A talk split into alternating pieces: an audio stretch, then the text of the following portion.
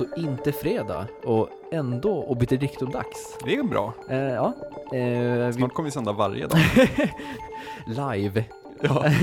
Nej, det, det, det känns avlägset. Vakna upp med Obiter Dictum.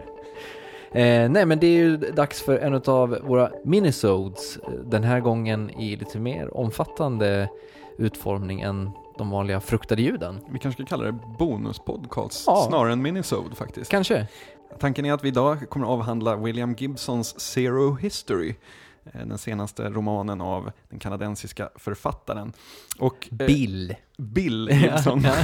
Ehm, och eh, vi, ja, vi, vi kommer inte prata jättemycket så här detaljhandling, plott. Nej, det, det känns som, eh, i Inception-avsnittet så citerade vi ju William Gibson när han sa Plots are highly overrated anyway. Precis, och det känns som eh, när man läser Zero History och många av hans andra böcker så eh, det är ju ett uttalande som, som går hand i hand med hans författarskap på många sätt. Ja, och jag har funderat mycket, alltså efter Inception, när, som vi berättade då, så var vi först ganska besvikna och sen blev jag ganska, ja även du, ganska nöjd ändå. Att man, Mm. så här, och sen när William Gibson skrev på Twitter, när han fick frågan om, om han inte tyckte att slutet på Inception var konstigt, så skrev han just det här Plots are highly overrated anyway. Och efter det har jag funderat rätt mycket och kommit fram till faktiskt att det mesta som jag verkligen gillar så här utgår mer från en känsla snarare än ett, ett reellt, alltså ett, ett uttalat problem eller handling.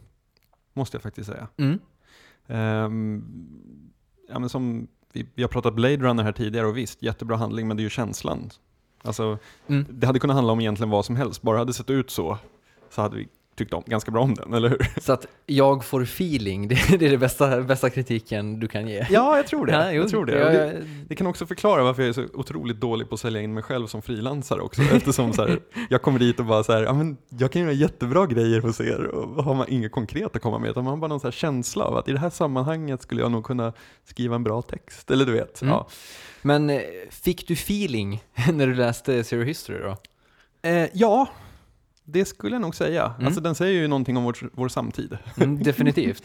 kan man ju lätt konstatera. Det är ju så här, William Gibson har ju gått från att vara en, en, någon slags framtidsvisionär på 80-talet, där han liksom visualiserade de här eh, near future-samhället där all, alla var uppkopplade och ja, cyberpunk-kapitalismen härjade. Och cyberspace Ja, tonade upp sig helt enkelt. verkligen. Mm. Eh, och sen har han ju gått under slutet av 90-talet och framförallt under 00-talet så har han ju gått därifrån till att bli ehm, alltså att utspela sig här och nu fast i väldigt så här framkant av här och nu. Mm. Och det har ju han gjort därför att han, alltså det är många som kritiserar honom för det och är såhär, men vad är eh, alla coola världar och sådär. Men han säger ju att de inte går att berätta om längre därför att framtiden är här Mm. på något vis. Det är mer intressant det som händer här nu. Ja, och sen liksom det, det, det är som att, att ge sig på gissningar om hur det ser ut 2020 är inte lika intressant som att ge sig på gissningar på hur 2000-talet skulle se ut 1980. Nej. Eller, förstår jag menar? Att, Verkligen. ehm, det, det är som han säger att eh, the present is the future. Liksom. Ja, och eh, den här boken eh, handlar ju om branding, kan man ju säga. Mm. Kläder, branding, eh, coola, alltså marknadsföring av varumärken. Och eh, kanske framförallt så handlar den om det bizarra i att i en värld där allting finns i överflöd så är det det som är begränsat som är efterfrågat. Mm. Definitivt. Eh, jag beställde ju till exempel en iPhone här, häromveckan eh, och det känns som att alla, okej inte alla, men de flesta som har beställt en iPhone 4 går liksom bara och väntar på den för den finns inte. Eh, och det gör att iPhone 4 helt plötsligt är eftertraktat och om någon har en iPhone 4 så blir alla så här, oh, har du, har du en? Hur har du fått tag på den? alltså det, det, det, det är den, hela den grejen av att skapa exklusivitet och därefter, därigenom konstruera en efterfrågan. Eh, Ja. i, I Zero History så är det ju det här jeansmärket och Gabriel Hounds eh, som Hollis Henry eh, ja, protagonisten eller vad vi ska kalla henne eh, söker efter sanningen bakom eller vad, vad, vad man nu vill kalla det. Mm. Och det är ett mytomspunnet märke som they don't work in seasons. Alltså de släpper inga säsongskollektioner utan de, då och då så kommer ett drop. Och det kanske är i Melbourne, Tokyo, Paris eller någonting. Och då finns det att köpa just där. Och det är bara Mm. en liten skara som får reda på att det finns. Och de har en extremt sofistikerad sömnad som gör det omöjligt att kopiera. Och ja, det, det, det är just det här att eftersom det är så svårt att få tag på så är det extremt intressant och det pumpas in enorma resurser i att försöka ta reda på vad är det de gör som är så speciellt. Mm. Um, och det, det, här tycker jag man kan se att den gamla, alltså de som för 10-15 år sedan var så här vinylnördar och samlade vinylrariteter, diskoskivor och sånt, de går idag och letar upp så en obskyr eh, zimbabwisk restaurang där de serverar en viss sorts bönor som bara finns där utanför Zimbabwe. För om de har gjort det, Mm. då har de liksom en, ja, kan de bocka av den och säga att de har gjort det för att ja, det finns ingen annanstans att göra det. Det här är ju samtidigt något slags porträtt av ett hyperpostmodernistiskt tillstånd liksom. Mm. Där, ehm, där tingen eh, helt och hållet saknar ett värde som motsvarar materialet eller motsvarar hantverket, utan det är liksom bara ett symboliskt värde som spelar roll.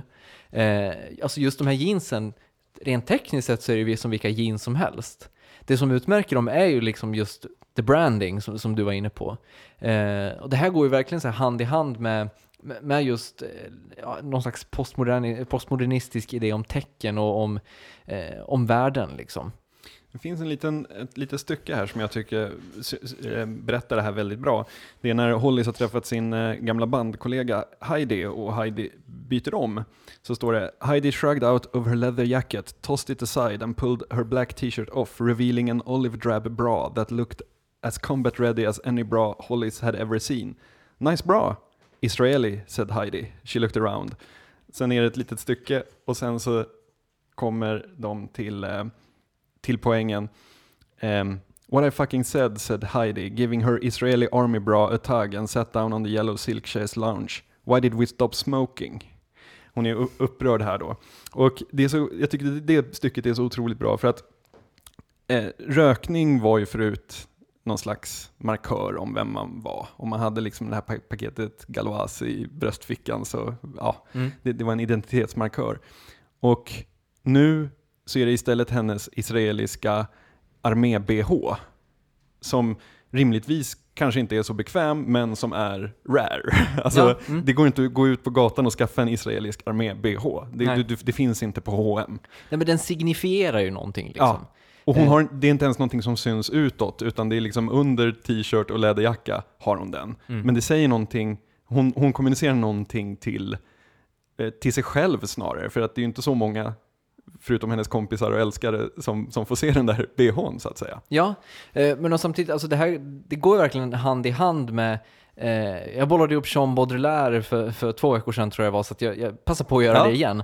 Eh, han, pratar ju om det, den här idén med simulakra och simulation. Mm. Eh, och där, han, han har ju en idé om eh, det här tecknets fyra nivåer. Mm. Eh, där liksom på första nivån, då, då är tecknet en slags, en slags korrekt avbildning av en fundamental sanning. Eh, typ ett kort av en verklighet eller någonting. Och den andra nivån är när avbilden av verkligheten är, på något sätt är förvriden men uppf- uppfattas fortfarande som en sanning eh, och korrumperar på så vis människans uppfattning om sanningen. Mm. Eh, till exempel slottet på Dis- i Disneyland. Mm. Eh, när man ser det så tänker man på att det är ett slott, men det ser samtidigt inte ut som ett slott, vilket gör att amerikaner får en idé om att slott är rosa, eller Ja. nå- någonting åt det hållet. Eh, sen har vi då tredje nivån, tredje nivån där eh, avbilden blir originalet. Mm. Eh, alltså ett tillstånd på något sätt där, där, där kopian ersätter originalet för att originalet inte finns kvar överhuvudtaget. Eh, till exempel, är ju, ett exempel är ju filmen. Eh, där det är liksom, ett, ett original av en filmremsa är totalt irrelevant. Mm. Därför att det finns bara kopior kvar. Och kopian blir därmed sanningen. Och sen har vi då den, den slutgiltiga fjärde nivån eh, där det bara finns avbildningar. Det Mm. finns inte längre någon verklighet. Eh, och, det, och avbildningarna syftar liksom bara till andra avbildningar och därmed så har vi liksom stigit upp i en hyperrealitet av tecken. Mm. Och jag, jag, jag tänker att jag tänker väldigt mycket på det när jag läser Gibson, hur, hur han beskriver saker och ting. Därför att en hiss är aldrig bara en hiss, utan en hiss är ett tecken som syftar till någonting ur H.G. Wells till Ja. exempel. Och därför så är det H.G. Wells-hissen. Mm. Så att liksom, eh, allting blir bara tecken som, som eh, i sin tur hänvisar till saker som egentligen inte har någon koppling till verkligheten. Så att eh, den, det blir liksom en hel värld av eh, bilder som beskriver saker som egentligen inte är någonting överhuvudtaget, men samtidigt är högst konkreta för oss som har de här referensramarna. Ja. Och det känns som att här passar verkligen så modet in. Mm. Eh, eftersom att, att, att, att, att det handlar om kläder känns väldigt så signifikant i, i just det att så här, jeansen får sitt värde genom att de är Gable Hounds, Ja. inte genom att de är jeans. Nej, Därför Och att tecknet är viktigt. Liksom. precis. Och, färger kan man väl räkna som ett sånt tecken också. För Mm. det- det är ju en, en, en aspekt av, i boken är ju att eh, armén har, amerikanska armén har svårt att rekrytera folk därför att deras uniformer är Coyote Brown, en färg som är över. Istället så satsar de på en ny kollektion eh, som är Foliage Green. Mm. Och då när han ser en person på gatan som har Foliage Green, Milgrim ser en Ja, ja. precis. Eh, Milgrim eh, ser en person som har foliage green eh, som färg på sina byxor så blir han direkt att okej, någonting är fishy för den här snubben vet vad som händer nästa år. Eh, alltså just den här signifikansen i alltså en färg som Mm. rimligtvis skulle kunna vara så här, ja men jag gick in på H&M och de här var billiga. ja, precis. Men, men den betyder någonting. Den, Ja. den är liksom, Ja, och till och med så vanliga alltså bruksföremål får ju eh, en liksom förhöjd bet- betydelse.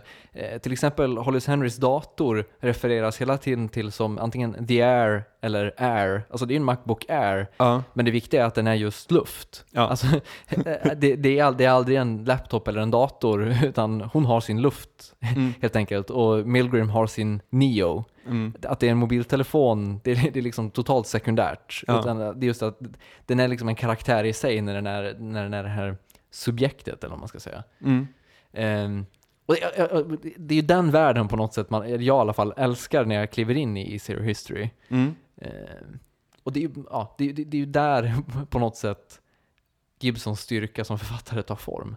Ja, ja, precis. Och framförallt så får den ju fundera på saker man gör. Mm. Alltså, jag älskar ju, det finns ett litet amerikanskt bryggeri som heter Rogue, som brygger en fantastiskt god öl. Och eh, jag vill påstå att de har en av eh, de absolut godaste ölerna jag har druckit som heter American Amber. I tät konkurrens med också en annan Rogue-öl som heter Dead Guy Ale. Två helt fantastiska ölsorter, helt magiska. Men då är frågan, är de objektivt så goda? Eller är det för att man bara kan få dem på en restaurang här i stan, eh, Oliver Twist, eh, och bara när Rogue-bryggeriet haft en låda över att skicka? För det är liksom, man ringer inte till Rogue och säger nu behöver vi två lådor, utan Rogue ringer dig och säger nu har vi två lådor. Ja. Och i frågan där, exklusiviteten, det här att jag inte kan gå ner på systemet och köpa den, eh, förhöjer det min upplevelse av ölen? Ja. Ja, ja, ja, ja, det, det var en retorisk fråga egentligen. Onekligen. Ja, Eh, det, det, det är ju självklart att den gör. Eh, och det känns som att eh, bara det att karaktärerna undersöker det här mm, gör ju att det får ett värde. mm, Men det, det i sig har ju egentligen inget reellt värde. Alltså vare sig jeansmärket, militärfärgen eller vad som helst. Eh, visst, det, har ett monetärt vä- värde för, värde för Biggen som vill ge sig in i den här militärklädesindustrin. ja, Eh, men även det mon- monetära värdet är ju liksom helt uppdiktat. ja. uppdiktat liksom. Och han, det roliga är att han säger ju att så här, "Åh, de här de har kommit på någonting när det gäller anti-marketing. Vad är det de har kläckt liksom? Vad är det? Och det, det, det enklaste skulle ju vara att säga så här, "Ja, men gör någonting jävligt limiterat och se till att folk inte får tag på det, Mm. så blir det så. Eh, men han är så här, de, de har hittat den här liksom, ja, de har hittat the edge liksom. Precis. Alltså på något sätt så är ju också nästa steg i allt det här blir ju på något sätt det, det som Gibson har i, sina tidigare böcker. Alltså eh, från att vi är eh, fr- från att tingen ha, har fråntagit sitt värde så tas, fråntas människan sitt värde. Mm. Alltså att människan blir odödlig genom att vi inkorporerar nanoteknologi eller att vi ja, kan ha bio, vad säger man? Biotechnical eller vad säger man? Bio... Alltså typ en cyborg eh, Ja, precis. grej. Att vi blir Ja. cyborgs. Eh, så, så liksom, då blir vi så att säga postmänniskor eller, vad man, eller vad man ska säga. Och det känns som att eh, det känns som att det finns liksom latent här Mm. redan, redan på något sätt. Att, att människorna är inte mer än, än sin israeliska strids-bh liksom. Nej, verkligen. Och det är intressant tycker jag att alltså de, alla här, även fast de är ute på, på eh, uppdrag och kanske inte behöver, alltså kanske inte helt, även om det inte är superhemliga uppdrag, de är ju inte liksom några undercover-spioner, men de är ändå ute i ganska känsliga affärer. Mm. Och ändå är de så extremt måna om hur de klär sig och liksom att, ja, det gäller att ha, den där färgen kan man inte ha. Och, ehm, det är ganska intressant att man väljer att sända ut de signalerna att jag är med i leken, jag, jag, jag vet vad det här handlar om. Mm. Ehm, trots att man är där för att försöka dekoda hela den grejen. Precis. Ja men och även, du säger dekoda, det är ju en högst jätteakkurativ beskrivning. För att det är ju det, är ju det, det, det hela blir att handla om. Mm. Alltså antingen har du de redskapen för att tolka den här världen, eller så har du dem inte och då står du liksom på utsidan. Mm.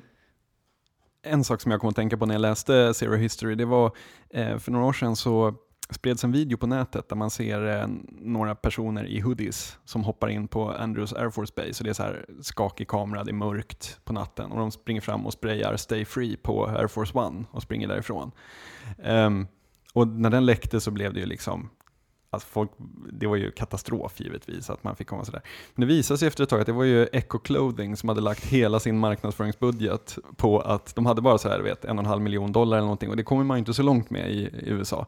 Så de la hela budgeten på att bygga upp en exakt replika av Andrews Air Force Base ehm, och hoppa in och spraya det där. Och det är så snyggt för precis i början av videon så är det en snubbe med mask så här, som tittar in i kameran och säger “This never happened” och så springer de in, för det är en sån disclaimer. Mm. Liksom. Ehm, och den uppmärksamheten, alla ville veta vad är det här, vad, vad har hänt, bla bla bla bla bla. Ehm, jag, kom tänk, jag påmindes lite om den virala kampanjen, ehm, för det är lite samma grej, du vet, Mm. att hitta nyckeln till vad är det som ja, kan få folk att gå igång. Ja, och de pratar ju här, vad heter det, i, i, alldeles i början av boken så pratar ju Biggin om det, om att, eh, att idag så säljer inte märken heller, utan det är narrativ som, Ja. som säljer. Ja. Eh, och då, säger, då menar Hollis Henry att ja, men det, det är väl en ganska gammal idé. Eh, och den känns lite utspelad. Eh, och då säger Biggin någonting i stil med att “not if it sticks”. alltså om, om narrativet sätter sig, då, då sätter det sig liksom. Ja, det finns ett ställe när eh, hon Meredith, en, eh, en ganska perifer person i, i boken, men hon säljer en Chanel-klänning till en, eh, en eh, person. Eh, En japansk businessman va? En japansk businessman, precis. Och så säger hon så här. I think he wears them himself. Not that I think he's gay. That would make it okay actually. He, he insisted on all the documentation, everything we'd collected on their original owner. Something about that left me wanting a shower. eh, och då kom jag att tänka på eh, en stå-upp-komiker som sa, jag kommer inte ihåg vem det var, kan ha varit Chris Rock, lite osäker. Han sa i alla fall att ehm, Idag ligger jag bara med folk för att ha något att tänka på när jag runkar.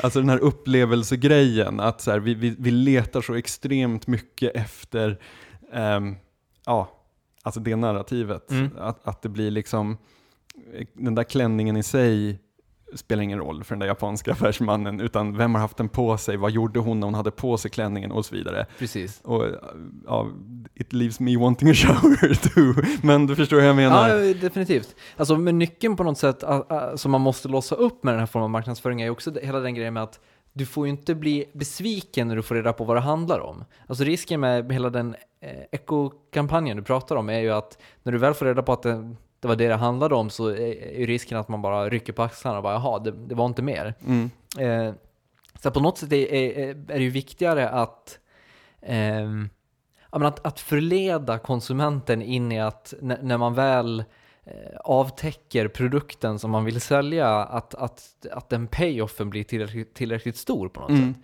Ehm, och det är en svårighet.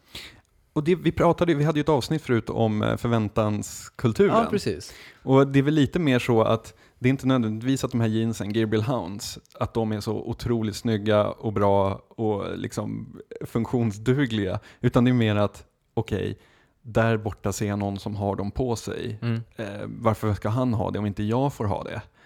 Eh, det finns en liksom, eh, det är snarare så att man, man vill vara med i, i spelet snarare än att eh, man faktiskt behöver de där grejerna. Mm. Men är det, är det tomt det här? Är det självstött? Alltså det är ju självstött eh, så tillvida att, eh, att den värld han beskriver eh, bygger på saker som, som, som, vi, som vi själva identifierar som själlösa. Men samtidigt fyller vi ju de här sakerna med mening. Mm. Eh, vare sig vi gör det när vi läser boken eller när vi själva köper de här sakerna så- får man ju på något sätt ja, men ett litet mått av lycka eller man ska Mm. säga. Alltså jag vet ju att eh, när jag får mitt sms om att min iPhone väntar så kommer jag liksom bli eh, ja, exalterad. Ja. Eller, eller förstår du vad jag menar? Eh, så att, så att, och det är ju en äkta känsla. Jätterolig grej jag kom att tänka på apropå det här. Min pappa köpte en lott på flygplatsen i Dubai Mm. och vann en jävla Mercedes S-klass nästa års modell. Liksom. Okej. Eh, och han reste ner eh, och tog emot den här bilen på någon här prisutdelning. Och tvåan och trean, det var eh, inhemska eh, emirat befolknings... Eh, det var ganska dyrt, de kostade ju tusen kronor de där lotterna, så att det var ju liksom, ja, eh, jag vill inte slentrian slänga mig ur shejker här, för det känns lite sådär, men, men shejker helt Okej. enkelt. Alltså, Racial profiling. Ja, racial profiling. Jag, jag, jag, låt det vara så. Hur som helst, de vann pengar istället. Och efter den här prisutdelningen så var ju liksom, stod folk på kö och budade för de ville så himla gärna ha den där bilen. Och inte för att det liksom var ett bra åk, utan för att det var nästa års modell som inte hade släppts ännu. För de, de personerna som har hur mycket pengar som helst, så Mm. de kan bygga sina palats och de kan ha 20 bilar i stora garage och ha en fontän av guld, men den där kunde de inte ha. Nej. Så det var ju liksom, folk budade och var helt galna för alla ville ha tag på eh, pappas bil då. Mm. Men han vågade inte sälja den till dem utan han sålde den till en norsk diplomat istället. Kändes till, han tyckte det kändes lite tryggare rent businessmässigt. Mm. Men, ehm, men det är en ganska intressant sak att de här Gabriel Hounds, jeansen i William Gibsons bok, det är inte så att de kostar mycket pengar, de är Nej. inte dyra, utan de är bara svåra att, att komma åt. Och på, men och på det sättet så är de ju, till skillnad från den historien om Mercedes och Mercedes-bilen och oljeshejkarna, så är de ju klasslösa på ett sätt. Ja. Alltså, det viktiga är inte att du är den här japanska businesskillen som har råd att punga ut x antal tusen euros på en Chanel-klänning. Utan det viktiga är att du har the connect liksom. Mm. Alltså, eh, produkten i sig blir ett gated, gated community som du måste Mm. ha nycklarna till för att få ta del av. Mm. Ehm, och det är ju där i det ligger någon slags exklusivitet snarare än, än monetära intressen. Liksom. Jag eh, kommer ihåg när jag, när var det, 2006 tror jag, så satte jag ihop en så samlingsskiva med, alltså jag bad lite band och producenter och sånt. Jag kände att så här, ja, men ni har säkert en massa låtar som ni har spelat in som ni inte har givit ut. Så jag eh, fick tio låtar och satte ihop en liten hembränd samlingsskiva som jag kallar för Monotoni som jag eh, sålde för 40 kronor styck på min blogg. Och den tog ju slut direkt för jag gjorde bara 100 ex. Mm. Och eh, Rassel sa det. Och en vecka senare så tipsade Andres Lock om den i sin spalt eh, i SvD. Och problemet var att då började folk mejla och ville ha den där och, och när jag var så här, den är slut liksom. Och, och de blev så upprörda när jag inte la ut den på nätet, för jag väntade ju på att någon annan skulle göra det. För jag tänkte, 100 pers har köpt den, det är klart att någon liksom rippar den och lägger ut den på Soulseek, men det hände liksom inte. Det var ingen som gjorde det. Ehm, och då, alltså jag funderade mycket på varför det hände, och det måste ju vara att så här, ja men okej, jag fick tag på ett ex här, och jag tänker inte dela med mig av den, för nu sitter jag på någonting som någon annan inte har. Mm. För jag menar, på den tiden, eller ja, även idag, alltså vilka skivor läcker inte? Mm. Och, och liksom, ja, det var bara så konstigt att den inte spreds. Och då, då kan jag tänka mig att så här, om jag, om jag hade suttit på en sån skiva, då hade jag inte läckt den heller. Men lade du upp den själv nu? nej, den har jag, jag har fortfarande inte gjort det Nej, faktiskt. eh, jag kanske ska lägga upp, jag har ett ex så jag kanske ska lägga upp den Ja, jag. det, det vore nog en, det vore en, järn, en kulturgärning Ja, faktiskt. kanske. Jag har faktiskt inget ex kvar, så det, det, det får du gärna Du kan väl köpa tillbaka mitt ex om du vill. Nej men, men, eh, men och samtidigt, bokens titel, Zero History, Mm. eh, den hänvisar ju, alltså dels hänvi- hän- hänvisar den till Milgrim på något sätt, som är den här personen som är mm, på nytt född. Mm. Eh, Biggen som blir någon slags Frankenstein-karaktär som, Ja. som, som väcker liv i Milgrim igen. Ehm, men, men samtidigt så hänvisar den på något sätt till att det är liksom ett samhälle där, där historien är typ totalt oväsentlig. Mm. Alltså, eh, eftersom att det inte finns någon klass bes- beskriven i alla fall. Eh, det finns eh, inga orättvisor, det finns liksom bara märken och en enda stor kommersiell post-crash, vad ska vi säga, kultur som, som de här människorna lever i. Så är det ju bara märken etc. som har ett värde och därför har ju liksom inte historien något värde heller. Mm. Och det tycker jag går väldigt alltså det, det är en väldigt smart titel som spelar på ganska många nivåer på det sättet. Men hur, hur eh, relaterar det till, eh, till vid något tillfälle som Heidi tror jag det är, har ett plagg som typ någon kompis i Chicago har gjort? Eh, och alla är så här, åh vad är det där, är det vintage? Är det liksom, eh, är det något ny designer? Vad är det här för nytt hemligt märke? Och hon är så här, it's no name. Och folk är så här, nej, det kan inte vara no name. liksom. um, det, hur, hur relaterar titeln till, till den? För där är de ju ändå ute efter det här, alltså saker som har historia också. Ja, eller jag skulle inte säga att de har, har historia för den sakens skull. Nej. De har, de har ett, vad ska vi säga, ett symboliskt värde i, i och med att de eh, vad ska vi säga, i och med att de, de, de, de får sitt värde genom att vara no-name. Ja. Eh, men värdet ligger ju för den saken skull inte i Ja men Chanels kläder till exempel, de har ju ett gigantiskt värde i Coco Chanel som person Mm. på något sätt. Mm. Och knyter an till, till hennes förhållande till en, en, en eh, dåvarande modevärld liksom. Mm. Eh, och det, det, riktigt det narrativet finns ju liksom inte där. Ehm, så det, jag vet inte, jag, jag, håller, jag håller fast på det. Ja. Men eh, sammanfattningsvis en väldigt läsvärd bok. Om man accepterar den nya Gibson och inte Ja. letar efter den gamla cyberpunk. I den, precis, i den här trilogin som är eh, Pattern Recognition, Spook Country och Zero History då, så eh, jag har och för sig inte läst Spook Country, men eh, så tycker jag definitivt att Zero History var väldigt, väldigt bra. Mm. Ehm, jag tycker den står sig fruktansvärt bra mot hans tidigare böcker också. Och framförallt så är vi brukar med all rätt gnälla på alla dassiga filmer och tv-serier för att de kvinnliga karaktärerna är så dåliga. Men det, det förbehållet behöver man inte ha när det gäller Gibson eftersom han skriver fantastiska kvinnliga Definitivt. personer. Det är alltid... Ja, och eh, variation på kvinnorna också. Ja, ja, alltså. Heidi och Hollis är ju totalt olika. Liksom. Ja. Så det, det uppskattar vi. Och Vi hoppas att även ni som läste boken också tyckte om den. Mm. Så att vi inte har slösat bort x antal timmar av ert liv. Vi ses som vanligt faktiskt på onsdag, vilket betyder tre avsnitt den här veckan. För på fredag så har vi ett långt vanligt avsnitt. Mm. Det är obetydligt extraordinär den här veckan. Ja, verkligen. Mm. Men eh, på återseende. ja, tack så mycket. Ha det fint. Hej!